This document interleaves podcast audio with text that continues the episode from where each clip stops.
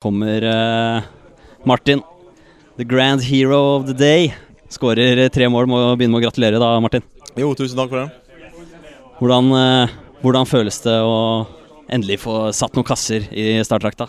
Det føles veldig godt. Det var litt frustrerende første gang der vi er solklart beste lag uten å få ull på bilen. Så går vi til og med til pause med å ligge under. Så det var godt å få en tidlig skåring og eh, snu kampen i andre omgang. Så selvfølgelig deilig å være med og skåre mål og bidra så, så mye jeg kan.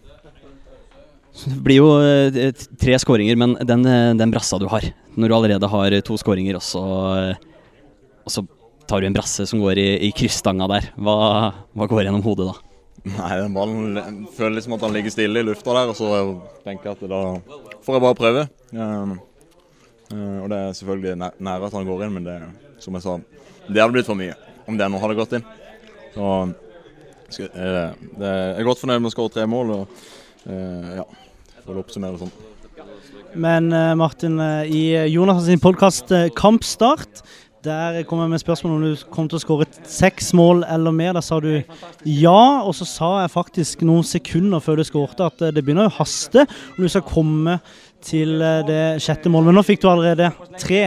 Vil du love mer enn seks mål?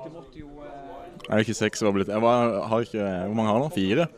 Men eh, når jeg kom med spørsmålet, så da begynner vi fra scratcha. Hvor mange mål skåret du i høst, spurte jeg. Da sa seks eller mer. Seks skulle du klare, men nå har du allerede skåret tre. Jeg tror ikke jeg kommer til å skåre hat trick i hver kamp utover høsten, men jeg håper selvfølgelig å være med og bidra. Bl.a. Blant annet med mål, ja. Så man er en fem. Det Uh, ja, jeg håper selvfølgelig å bidra med skåring ut, men jeg har vel aldri tidligere satt meg noe sånn mål om å skåre et, et antall skåringer, så det får, det får vi bare oppsummere summere opp når, eh, når sesongen er over, tror jeg. Men Jeg kan ikke love noen ting, men jeg ønsker selvfølgelig å bidra med mål, ja.